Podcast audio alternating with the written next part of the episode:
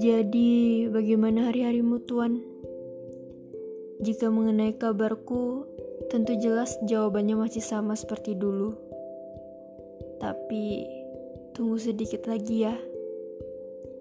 Aku masih berjuang keras untuk tidak hadir lagi dalam kisah hidupmu kali ini.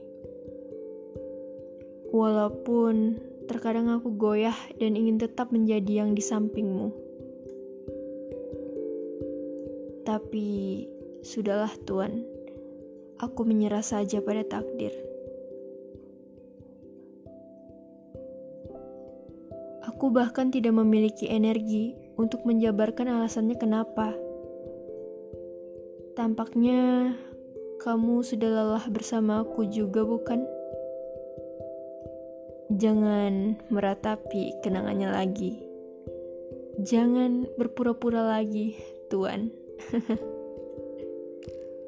Aku juga letih, sama sepertimu. Karena selalu hidup di kisah yang sudah mati itu luka Tuan.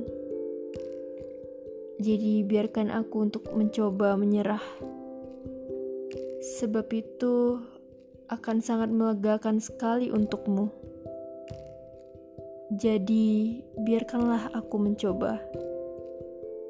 Terima kasih, Tuhan. thank you